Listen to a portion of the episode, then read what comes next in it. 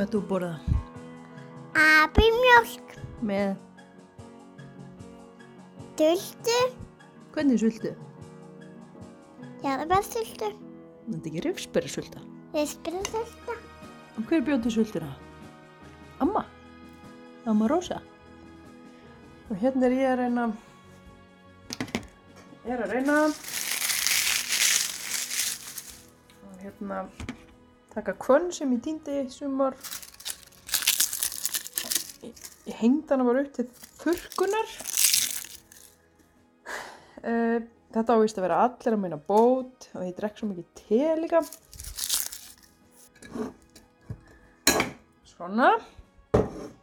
Einstaklega fín, fínt. Svo er þetta að skrifa krukkuna. Skrifa hérna kvönn.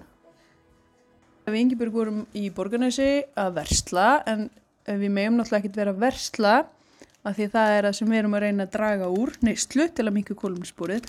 Hvað fundum við hér? Að því okkur vantaði jólaljós og ég fann svona stjörnu sem að setja bara peru í úr endurunum pappir. Svo bauð Ingebjörg mér í partí, elduparti, eldapartí, nei, elduparti, elsupartí, já. Hvað er það bara? tókaði,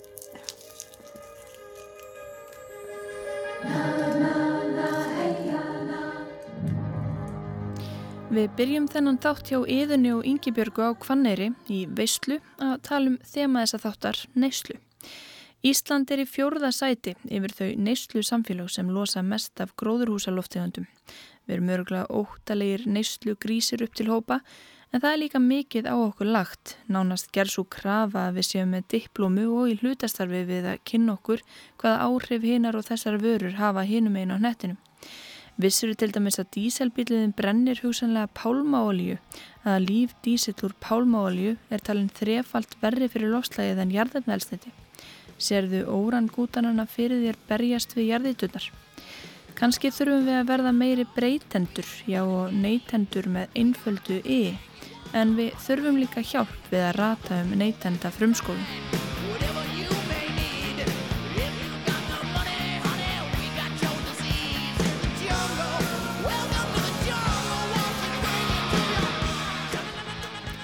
Aðal sérfræðingur þessa þáttar þekkir klemmu nútíma neytenda vel.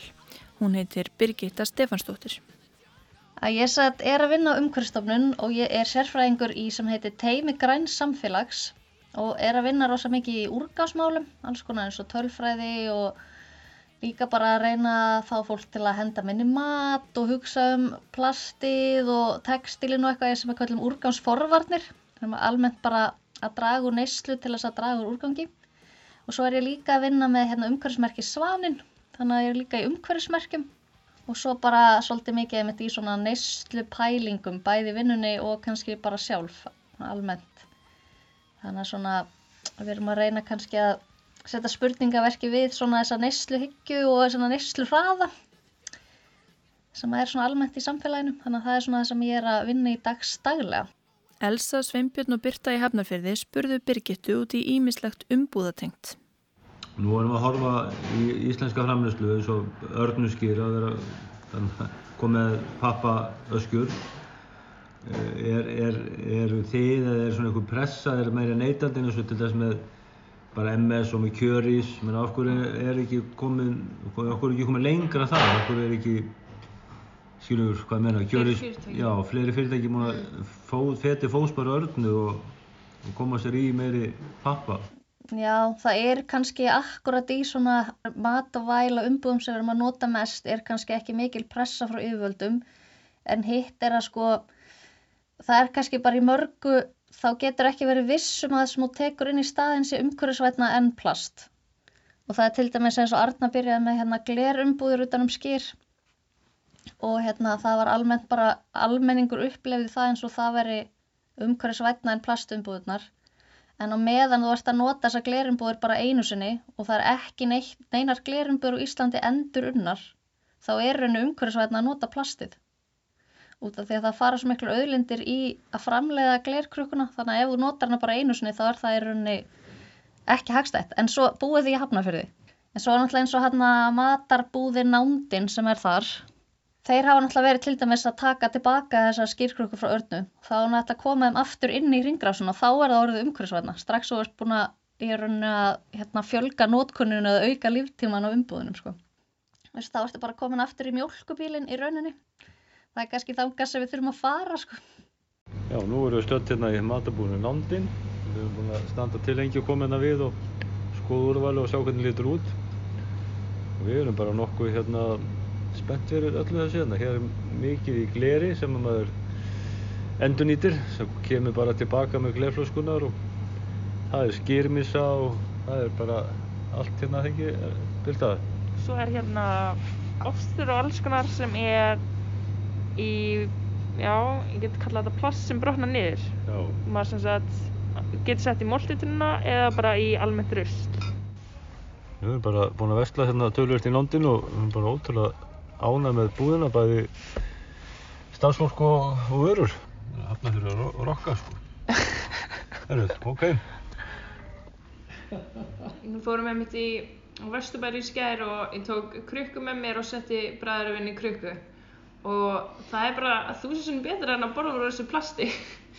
bara loka... Já, eru þeir ekki ennþá með fröðplast? Jú, alveg skellilegt. Já, ég veit ekki sko hvað er að fengi margar aðtöðsendir út af því líka því að allir aðrir eru með pappabóksin sko. En þeir meiga þetta alveg en þeir meiga þetta reyndar ekki bráðum af því ég held að, að hérna í nýju tilskipunum um plast þá sé banna, bannaðar matvælaumbúðir í teikavegi úr fröðplasti. Ok, það er mjög gott að heyra. Það er enginn töfralaust og Birgitu finnst stundum erfitt að ráðleggja fyrirtækjum sem leita til hennar. Lífplast er til dæmis misgott, það fer eftir því hvernig og úr hverju það er framleitt og í hvaða farveg það fer. Og eins og þessar þykku, hérna, þykku lífplastumbúður eins og er að vera að nota í mörgum djúsburum, bara svo Jóna djús og Lemon, þeir eru með lífbrjótanlegar djúsumbúður, að þær eru almennt sko fyrirtækin hérna ná ekki að brjóta niður í sinni moltegerð og þar alveg ferða bara í blandan úrgang og í urðum. Já, Ok. Af því þá ertu með, þú veist, þarft að bera það þá saman með að við ef þú ert með plast og gætir komið í hreinu í veist. Það þetta ánáttúrulega ekki við um þessa mægisbóka, þeir eru náttúrulega, þeir eru svo þunnir, þá brotna þeir mjög vel niður. Plast er mun loftslagsvætna en gler, til dæmis væri mikill ávinningur af því ef vín væri í plastflöskum en ekki glerflöskum. En plastinu fylgir baggi, fugglar og fiskar með plast í maga. Já, við sjálfuðu þetta. Víðast hvar í heiminum finnst örplast í drikjarvatni. Pappapóki losar um það byrj fimmfalt meira en jafnstór plastpóki en Birgitta mælir samt með pappanum. Hann brotna niður og veist, við þekkjum hann mjög vel og hann kemst mikið í endurvinnslu. Þannig að klárlega væri jákvætt að vera meira að nota pappumbúður versus plast, sko. Hvað stendur eftir? Plast er betri en gler, ál er betri en gler, pappi er betri en plast ef hugsaður um allt vistkerfið og svo er fjölnóta auðvitað gott, svo framalega sem það er raunverulega fjölnóta. Birgitta bendir á að það að minka matarsóun sé eitt stærsti liðurinn í að minka umbúðarsóun og þegar það stöðlar ekki að aukinni matarsóun er sniðut að kaupa stærri pakningar, þá þarf minna af umbúðum á hvert kíló af mat. Ég er alltaf að tala um rusl en það er líka um eitt sko, það er náttúrulega mikilvægast að reyna að, að draga úr öllu ruslinu sko, ekki bara komið að réttan stað. Það er kannski svona, Mér finnst þetta góð punktur sem þú sagði hérna strax í upphafi, það er, ne- það er að minka neyslu. já, Mér finnst þetta mjög flott. Það er eitthvað sem þú sérstaklega finnst mér mamma eftir að, já, Ég, kaupa og kaupa var að köpa skó gerð? á afslætti. En það er, skiptir engum máli. Já, en ég er ekki ok. Já, mamma mín er líka svona sko, ég er alltaf bara eitthvað, oh, þú verður að kaupa minna af dóti. Hún bara, ég þurfti þetta, ég bara, neða, það fyrir þetta hvernig þú skilgreinir þurfa. Þú þarft alltaf að setja þá spurningu fyrst sko. En við erum öll hérna að verða meðveitar og meðveitar um alls konar. Já, já. Við heldum að væri mjög góð, nú erum við bara betri. Stóra neysludæmið snýstu þetta ekki bara um umbúðir, ekki bara pókan heldur hvað er í honum.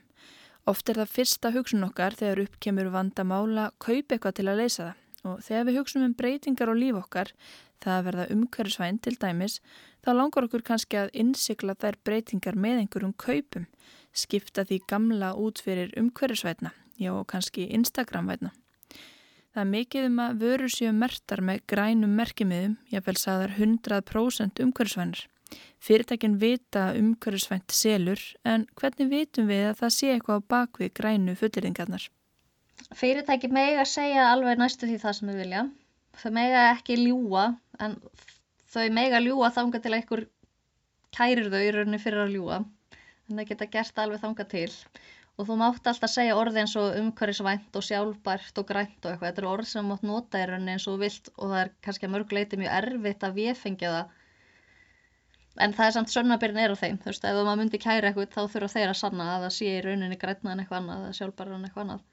En sko, er svo bara mjög mikið af fyrirtækjum sem eru búin að búa sér til eitthvað svona eigin logo. Og þú veist, það þýðir ekkert að gera eitthvað hræðilegt, það bara þýðir að þú veist, það bætir einhver við upplýsingar sem þau hefur fyrir. Grænþvottarmál á Ísland eru fá en úrskurðir hafa þó fallið. Neytendastofa gerði til dæmis árið 2007 aðtóasemdir við að bílaumböðið hekla auglisti bíla með orðunum þeir eru allir grænir. Það sem átt var við var að bílarnir höfðu verið kólefnisjafnaðir til eins árs. Birgitta innfaldar sér lífið með því að horfa eftir umhverfismerkjum.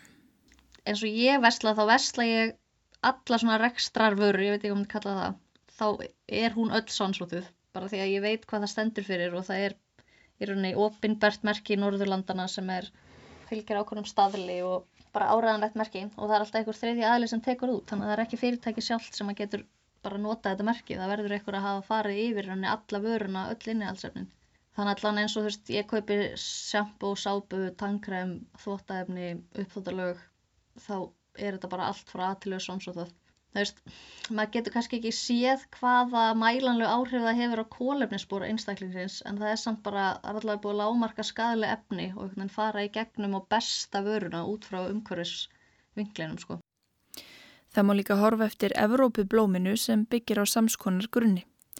Gallin við svanin er kannski hann er svolítið íhaldsamur. Það er erfitt að fá ódæmigerðar vörur vottaðar eins og þvotta ekkið mitt með steinefnakúlunum til dæmis. Það er hort á meginströms vörur sem hafa fessi í sessi og auðvitað er það stór kostur líka að gefa neytendum möguleika á að skipta vörum sem þeir eru vanir að nota út fyrir samskonar vottaða vöru. Kanski er þetta árangusríkasta leiðin. Í stað þess að binda voni við að allir neytendur fari í sérverslanir til að kaupa umbúðalust havramjöl geta stórmarkaðarnir tekið skrefi þá átt. Í stað þess að allir fara að versla nótuð fött geta hraðtískurísatnir gert eins og í flokk til jú dropp verkefninu á Instagram keift fött af rauðakrossinum í gámavís og hanna ný. Raunar eru einhverjir hraðtískurísar farnir að selja nótuð fött og endursölu markaðurinn vex hratt. Birgitta hefur ekki keft sér ný född frá árinu 2013 en það veit hún að það er til nóaðum í heiminum. Fataframleysla hefur tvöfaldast frá árinu 2000. Birgitta rætti fatamálin aðeins við yðuna á kvanneri. En svo líka er eitt ég er svolítið spes ef maður að köpa sér föt og þau eru svona umhverfsveitni í búð. Þá eru það alltaf svona bara eitthvað kartöflupókar. Þú veist, það er alltaf svo víð og eitthvað eins og maður eigi bara að vera eitthvað hippi, sko. Bara því maður vil kaupa, þú veist, lífrannar bómull. Nei, við vorum einmitt að tala um þetta í vikunni hérna á kaffistofunni bara einmitt, að hérna fólk, fólk býst við sko að það vart manneski á sérstaklega í fötunum sko sem er búin að leggja áherslu á einhvern veginn svona þessar pælingar að þau komir einhvern veginn í einhverju beislitu, einlitu svona speinum fötum sko. Í rauninni, þú veist, það besta sem getur gert fyrir umhverfið og fyrir þig er náttúrulega bara að kaupa minna af öllu, þú veist, að ekki að færa þig yfir á eitthvað umhverfisveitna, heldur bara að draga úr almennt En svo er hitt líka bara að sko markaðin fyrir nótu fötu í Íslandi er fáránlegur. Þú veist það er til svo mikið að fötum og svo miklum gæðum í rauninni. Síðustu ár hefur orðið einhvers konar bylting. Umbóðs sölubúðir með básum sem hægt er að leia í viku hafa skotið upp kollinum víða og viðþorfin hafa líka breyst. Mér finnst þið hafa einhvern veginn bara tekið svolítið 360 gráðunar. Það er svo sem alltaf þótt alveg gaman að gramsa á vintinsmörkuðum Erlendis og alveg einhverjir fara náttúrulega í kólaportið og þess aftar en þetta er náttúrulega bara svona byltinga því að bæði þurfa leyendur ekki vera á staðinum og við erum komin til dæmis eins og við erum inn í molli þannig að þetta er orðið svolítið meira bara svona verslun. Þetta er Brynja Dan Gunnarsdóttir sem stopnaði ekstraloppuna fyrir einu og hálfu ári síðan. Og svo virkar þetta náttúrulega þannig að þú kemur með bás og ert bara að selja fötið þín og það er eiginlega undantekningalöst þá kipir með þér ykkur leðin út, ykkur öðru sem þú sást á okkur um öðrum bás og þannig svona venst fólk þessu. Og svo í rauninni, þú veist, eins og ég segi, ég er búin að vinna, vann í rítil í mörg ár og ég, fötinn sem kom búið kassunum eru alls ekki hrein, get ég sagt þér. Og mæli með að fólk þóa fötinn sín alltaf áður en það fyrir þau, en þannig er þetta þó búið að fara í þvott og bara einhver annar sem áttu þetta og maður skellir sér bara vel ef það er ekki þín heimilislikt að þessu og, og þá er þetta bara orðið þitt. Hugmyndin er komið frá Danmörku, en hvað var til þess að Brynja hrindan í framkvæmt hér? Ég er búin að vinna í retail í tíu ár og markasbransanum og oft blöskrað bara alls konar hlutir verð og hérna og bara hvað þetta er allt erfitt og sjá bara hvað raunin þegar maður fer að googla sér til og svona hvað við hendum mikið af fatnaði. Og að því ég er alveg fyrsta mannskja í heiminum til þess að viðkjöna það að ég elska tísku og ég elska föt og allt það en bara einhvern veginn einmitt að geta látið þetta ganga áfram. Þannig að minn svona drivkraftur var sá einmitt bara búa til hennan vettvang um, líka bara vinna fyrir sjálf á mig koma með eitthvað nýtt um, og þetta er náttúrulega bara svolítið það sem að koma skal. Í Eskilstuna í Svíþjóð er meira segja komið heilt mól bara með notaðan varning.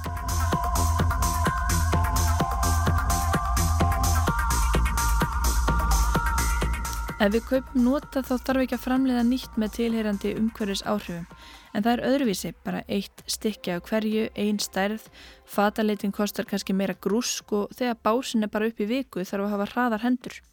Kanski verður fataleitin markvisari fyrir vikið og æfintýralæri. Það er hægt að finna fjársjóði. En hvað með neytendaréttin? Hann er veikari. Í ekstraloppunni, rauðakrossinum og góða hyrðinum kaupir fólk vörur í því ástandi sem þar eru. Ábyrðinu kaupanda og engin skilaréttur. En endursölumarkaðurinn er komin til að vera á neytendarétturinn kannski eftir að þróast eitthvað með. Mér finnst ólíklegt að þetta breytist eitthvað mikið sko. Íðun og Hvanneri á hvaða hætta að kaupa nánast allt nema mat til að minka kólefnisbúrið og henni finnst það frelsandi en það var hún nánast orðin háði að kaupa smáhluta á netinu á COVID-tímanum.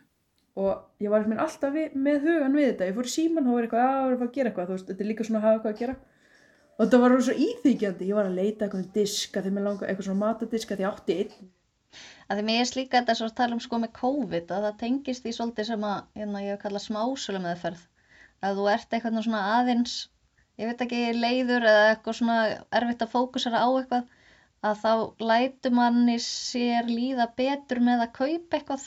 En þú veist, manni líður samt betur í mjög stuttan tíma eitthvað neginn og ég held sko sérstaklega að því allt er aðgengilegt út af netverslunum þá er þetta svo nálagt manni að það er eitthvað eins og auðvelt að taka þátt í þessu. Það er orðin svo öflugur í COVID sko, það er kannski ekki, Mm. ekki, ekki sérstaklega gott.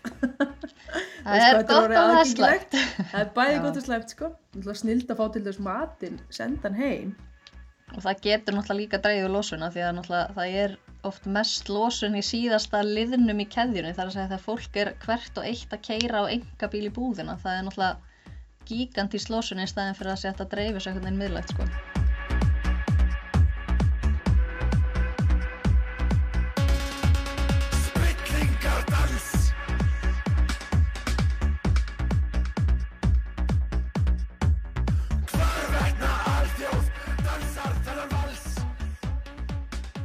Breki Karlsson heiti ég, er formaður neytendasamtakana.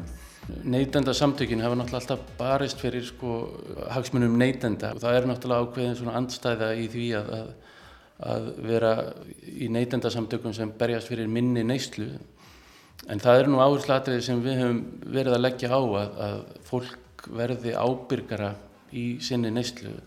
Við höfum gegnum tíðina neytendasamtökin og, og kannski sérstaklega núna að undanförnu einmitt hvart neytendur til þess að, að, að hugsa sig verulega um áður en að þeir, þeir kefti einhvern óþarfa sem endaði þá annarkvört upp í skáp eða út í bílskúr eða, eða, hérna, eða hvar sem er. Hagur neytenda sé sem sagt fólkin í meiru en bara góðu verði, úrvalu og gæðum. Breki bendir á að frá árunu sem hann fættist, árunu 1971, hafi ágengni okkar á auðlindir jarðar verið umfram getu jarðarinnar til að endurnýja þær.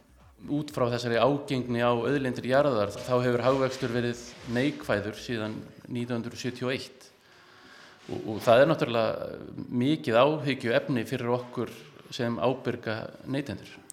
Breki er hagfræðingur og nútíma hagfræðingar standa frammi fyrir stóru verkefni. Hvernig lögum við hagkerfi svo það graf ekki undan tilvist okkar á jörðinni? Það eru skiptar skoðanir, sumir tala fyrir grænum vexti, að án vakstar leysist ekkert.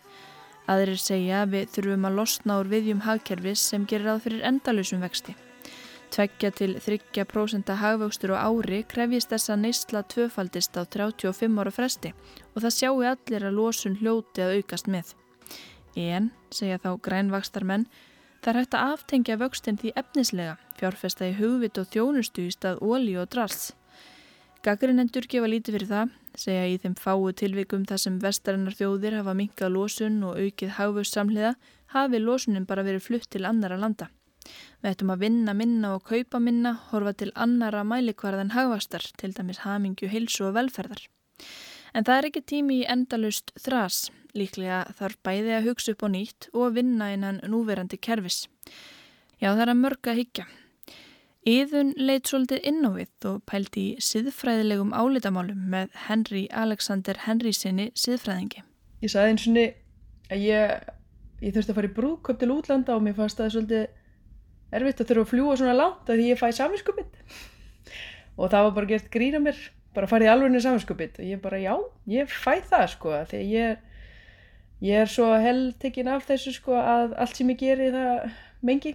En svo gefst maður líka stundum upp þegar maður sér hvað margir ekkert að pæla og ekkert að reyna En, en, en náttúrulega þú mátt ekki bara gera ráð fyrir því að, að þetta fólk sé ekki að pæla sko Nei, auðvitað er allir að pæla en, en hérna bara aðalega þegar ég sé að það er ekkit endilega að pæla sko þá er ég að tala um að ég sé það ekki beint í verki.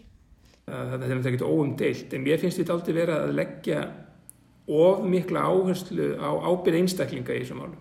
Við upplöfum skildur sem eru sem sagt, takast á, við viljum sinna mikilvægum skildum okkar til dæmis til fjölskyldu og vina, brúkup erlendis eins og það nefndir sem er náttúrulega, við finnumst mjög stert að við þurfum að, að uppfylla svona skildur en á móti kemur einhvers konar ábyrði ljósi aðstæðina í loftlagsmálum.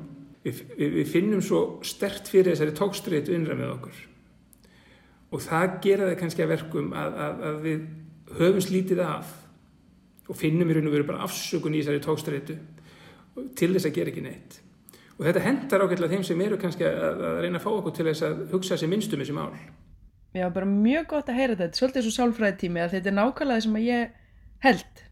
Eftir ég er búin að vera bara á þessu mjög lengi að það gangi ekki að eiga bara að skamma einstaklingana, ekki skamma og heldur reyna að koma einhverju svona viti fyrir þá að því að það, við virkum bara ekki þannig, bara mannfólk, það virkar bara ekki þannig. Og, og, og ég held að þegar kastljósinu er beint of mikið á einstaklinga og fyrirtækin að þau þurfi sjálfa að finna leiði til að leysa þetta þá, þá tökum við kastljósið af eina aðilunum sem getur í raun og veru sko forðað okkur frá þeirri katastrófu sem blasir við okkur Henry vill að stjórnvöld komi inn með upplugari hætti, stjórnvöld og alþjóðastofnanir og hann vill sjá þær skatleggja jarðarna elsneiti upp í rjáfur og nota fjármagnið til að styðja við orkuskipti og nýsköpun. Það hafi verið rættar ímsa leiðir til að gera þetta. Ein leiðin er hefðbundin skattheimta, önnur að láta peningana renna aftur í vasa þeirra sem ekki menga. Nattrænt þarf að horfa til lofslags réttlætis, þannig að þeir sem mest hafa losað og lifa í velmögun og kostnað umhverfisins borgi meira en íbúa ríkja sem nú verða verst fyrir barðinu og loslasbreytingum en hafa lítið lagt til vandans í sögulegu samingi. Þá enn eftir að leysa þetta almennilega á vettvangi Parísasamkominlagsins. Það má tengja loslasvandan við ímislegt við efnaðaskerfið, við nýlendustefnuna og yðun segir sjá tengst mellir loslasvandans og feðraveldisins íhaldsamra hugmynda. Þú veist, maður heldur að sumt get ekki gerst aftur en svo sér maður bara eins og var ekki Pólandi eða þeir eru að, að banna hérna fóstureyðingar og hérna. Sko, sko við þekkjum þetta byrja allir réttinda baráttu hvernig það verða bakslög. Hvernig, hvað tekur langan tíma fyrir svona síðferðilegu viðmið að, að raun og veru umbreytast? Maður átt að segja því að það er ekkert langt síðan. Það var aðgreining kynþátt í Suðuríkjum mandaríkjana Já, svo sem að líka bara við höfum ekki þennan tíma í þetta vandamál sko. Já, það er nefnilega nákvæmlega punkturinn sko, að, að það sem er óttast núna, að ég, ég vissum að umhverfismál hugsun um nátt, sko, umhverfismál ég efast ekki um að mannkinn myndi sem sagt við munum færast í það sem við getum kallað rétta átt og maður sér þetta við það, maður sér hvernig ungt fólki farið að hugsa allt öðru til dæmis um hluti eins og til dæmis um dæmi dýravend hvernig viðmiðin er að breytast ofbóslega hratt. En alveg eins og þú segir, þá höfum við ekki tíman, sko, við höfum ekki tíman til að láta þetta matla í einhverja ára tugi. Þannig að næjusemis kenningi mín er ekkert svo vittlaus. Nei, alls ekki. Minna, þetta er, sko, við vitum öll að hömlus, hömluleysi og hugsunarleysi hefur slæmar afleðingar. Þau ræða þessum kjötátt og verksmiðubúskap. Henry segir að þrátt fyrir aukna grænkjara hyggju í samfélaginu verði aldrei allir vegan. Það verði ekki hveðin upp dómur um hvort það sé rétt eða ránt að borða kjöt en það þurfa minga kjötáttið sem hefur aldrei verið meira í sögu mannkens. Matur og matvælaframlegslega er tilfinningamál, hluti af menningu okkar og sögu. Eitís og Björgvin og Akureyri eru ekki hægt í kjötinum og Björgvin vill sína mjölk eins og áður hefur komið skýrt fram í þessum þáttum en þau hafa reynda minga neyslu dýraafurða. Í áðurinni byrjaði þá var ég ekki opinn fyrir því að minga þetta neitt. Nei. þá vildi ég bara auka þetta.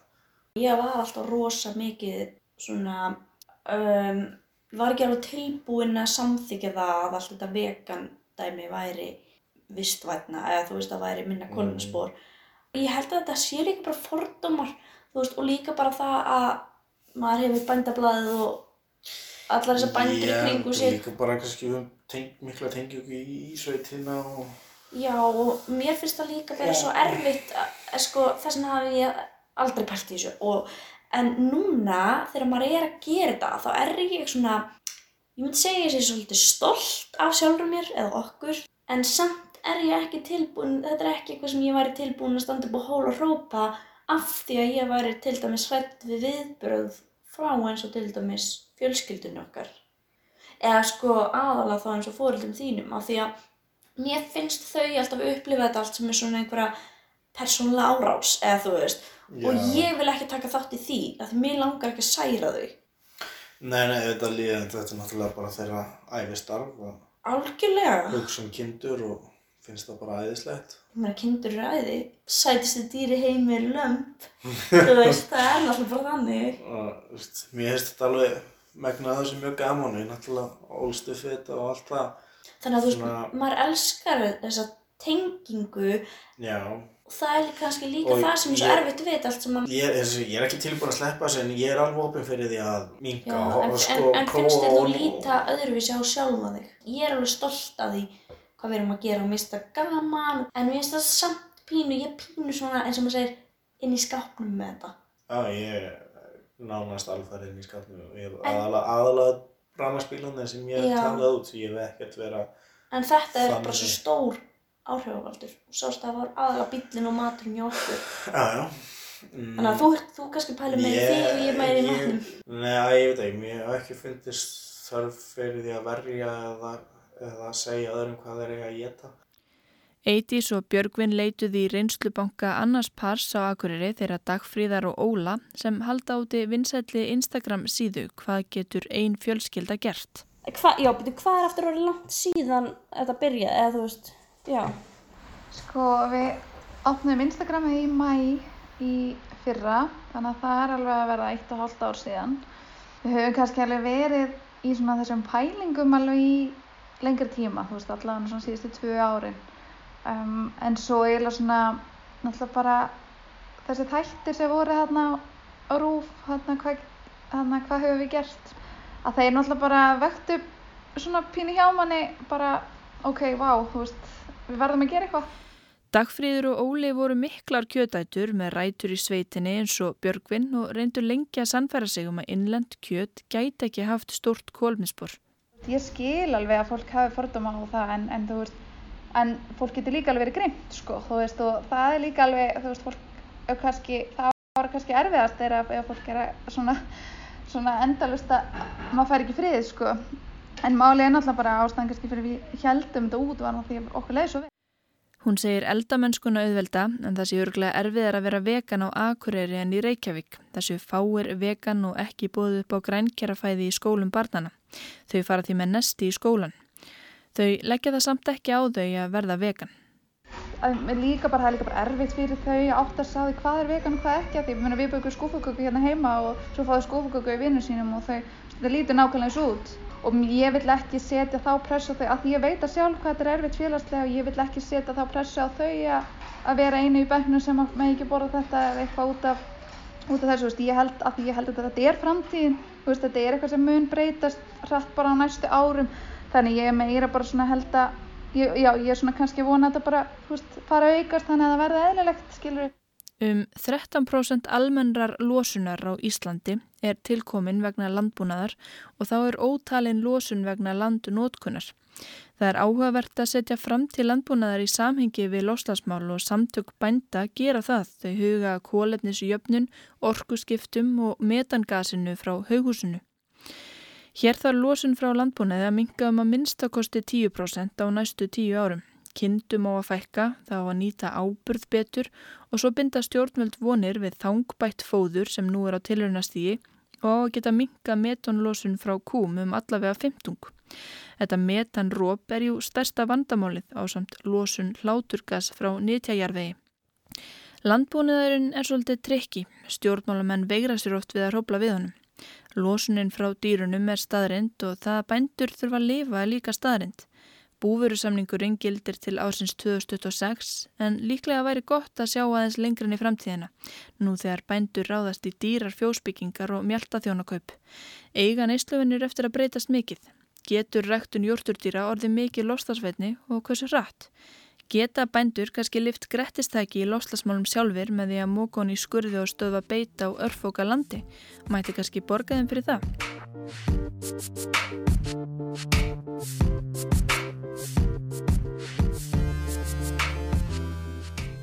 Hérna erum við með eitthvað sem heitir Kong Erik. Það er hérna pastaréttur fjölskyldunar. Það er bara svona, svona pasta með ógeðslega góðri sósu sem við gerum. Við bjökunum bleinu svona á Kong Eriks veginn nr. 9 í Köpunhöf. Nei, á Skagin, Skagin á Jólandi. Þá eldu þetta alltaf og já. síðan þá heitir þetta bara Kong Erik. Við erum komin í hlýðarnar í Reykjavík. Verkfræðistofan Ebla hefur þróað áhugaverða löst fyrir mötuniti, kólefnisreiknin Matarsporið. Það er hægt að skráin uppskriftir og bera saman kólefnisspor ólíkra máltíða. Þó matarsporið sé fyrst og fremst ætlað fyrir stærri mötuniti þá fekk Reykjavíkufjölskyldan að prófa. Alexandra Kjeld, umhverfisverknæðingur hjá Eblu, frætti þau Stellu og Kristján að þessum forritið. Um, spagetti, já, ég menna það er ákveðin vinsla í því, það, það, það er, það er hérna kveitiframlist og í sumum, þetta er sko meðaltalstönur þannig að það er á því hvort það egg séu inn í, inn í pastavörunu eða ekki. Já, já, já. já.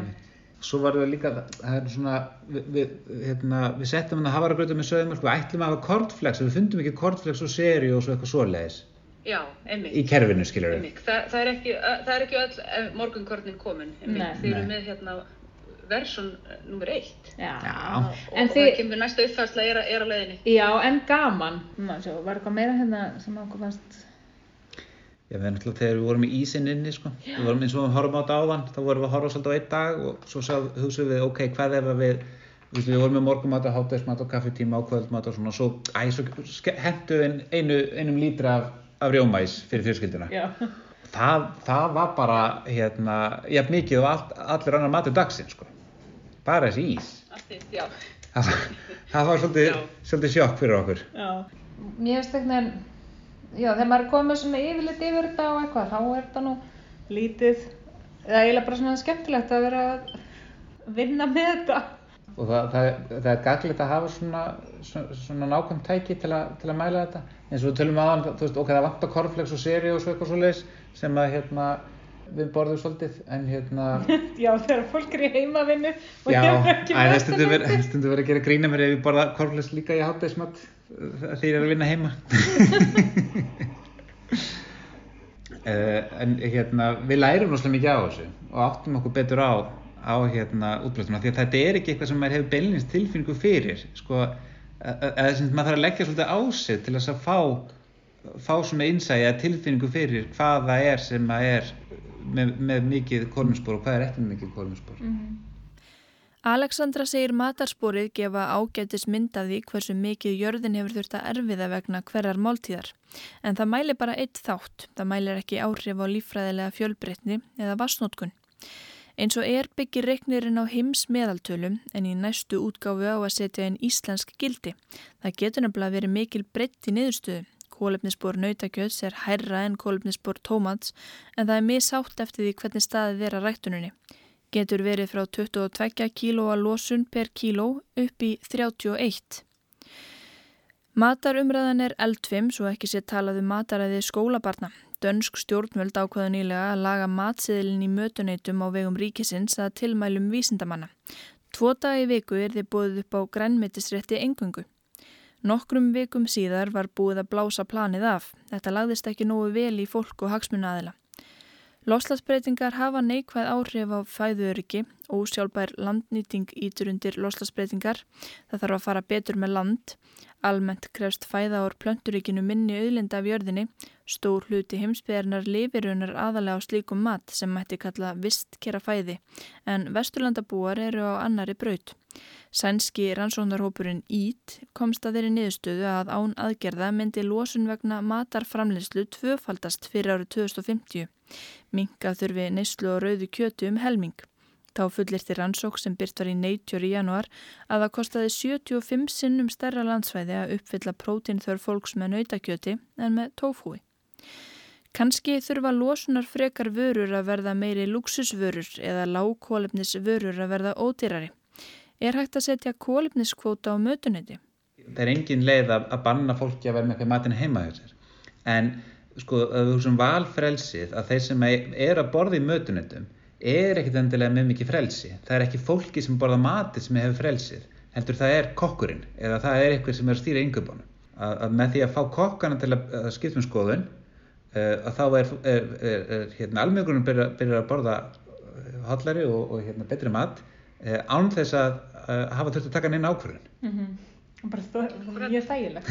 Einmitt og, er, og svo fara líka að koma inn í þetta svona ákveðin líðhelsusjónamið. Við erum, ég meina, við vitum að það, það er ákveðin svona samlegð með, með mataræði sem er gott fyrir plánutuna og hún getur líka verið góð fyrir okkur. Og, hérna, og það að hérna, stopnarnir eða fyrirtæki eða skólar með ábyrgum hætti bjóðu upp á þennan, þennan hotla mat. Ég meina það er ákveðin skilda þeirra. Um, það mun líka vera gott fyrir umhverfið. Við erum aftur komin í Hafnarfjörðin Þetta er ekki, þetta er ekki fyndi sko. málið með þessar serjur þetta er Þetta er, er þriðja seríu nú sem bara hálf. Ekkert að skipta um perur allt eitthvað einnóta drasl. Hvað alltaf kostar mikið hvað alltaf kostar mikið vilt að að hérna búa þetta til? Ég meina mikið kóluminsból Þetta er kannski útsýður hvað þú ert að gera Nei, ég er að reyna að setja um seríur, já, nokkulega við komum í jól og bæjarstjórunni hafnaði hvart okkur til að snemma ferðinni ég mér er búin að kvíða fyrir svona heila mánu að fara að setja upp það er með grun að þetta myndi gerast það eru hérna fyrstu tvær, fyrstu þrjá seríuna það eru hálfar og það endist bara 2-3 ár og hvað segir það manni? Hætti alltaf jól eða? Sko það var miklu ódýrara í, þegar ég var lítið stelpa að gera við hluti sko. Þá, fó, þá var þetta bara, maður fór til skósmessins, það voru saumu föt heima á fólk. En nú er allt í norðu svo dýrt einhvern veginn að, laga hluti. Í dag er oftast ódýrara og fljótlegra að kaupa nýja hluti en gera við gamla. Já, ef það er á annar borð hægt að gera við. Í Evrópu hafa félagasamtök barist fyrir réttinum til að gera við hluti. Stórfyrirtæki hafa nefnilega tekið þann rétt af fólki. Varahlutir fást ekki, símar eru limdir saman, skrúfulöysir. Ringrásarhagkerfið á langt í land og lítill kvati umhverfinu. Ekki að endurvinna. Til dæmis ekkert skilagjald á rafluðum sem þó inniheld að verðmæta málma. Æ, þetta er svolítið eins og tala um matvæli og börn, að þau skilji ekki hvaðan maturinn kemur. Þau fatt ekki að svínasteikin er af svíni. Að ég held að við séum svolítið orðin þannig með mikið af því sem við erum að kaupa, að við sjáum aldrei og getum ekki ímyndað okkur alla virðiskeðuna. Þannig að við sjáum bara það sem þetta kostaði okkur en ekki í rauninni samfélagslega umhverfislegan kostnað af allir framleyslunni. Það var svona sænsk kvömyndafræði með með þóttæðilega eldaðilega svona að þú kefti bara vélina áttur í 7 ár og svo áttur að skilin inn aftur þá veistu aðra vél skilu, þannig að það var þetta að nýta allt hérna innvolsi sem að var ekki sem bilaði ekki skilur hefur þið hertið eitthvað um þetta? Eða? Já, þetta er það sem er kallað í hérna ringráðsækjörnu endur framleiða þá ert að taka þá hluta sem er alltaf lægi með og bæta við einhverjum nýjum hlutum og kannski uppfæra eitthvað stýrikerfið eitthvað svo leiðis. Svo hef ég séð snild á hérna bland af því að ég er mjög mikið bara eitthvað að kaupa mér hérna kvítvöru á bland ef mér vantar eitthvað. Að þá er sko til dæmis maður sem að kaupir bæði þvóttavilar og ískapa og hann kemur og sækir það heimtíðin og svo selur hann aftur á bland þannig að hann er búin að gera við það skilur. En þetta er svona það sem maður myndi kalla íslensku braskarar, mér er náttúrulega bara algjör snillingar sko. Þetta er nákvæmlega sem við þurfum, svona mönnum þurfum að halda. Sjálfbergarvilefni. Hvað hérna, veistu hvað heitir á bland? Þú veist, eitthvað mjög svona kallalegt. Kalli 1950 eða eitthvað, ég man það ekki. Í næsta þætt að loslastæminu, þeim síðasta, verður uppgjör, stóra uppgjörið. Náðu fjölskyldurnar okkar fjórar að minka kólefnisbórið um 25%. Hvað breyttist raunverulega hjá þeim? Hvað lærðu þær? Missið ekki af því.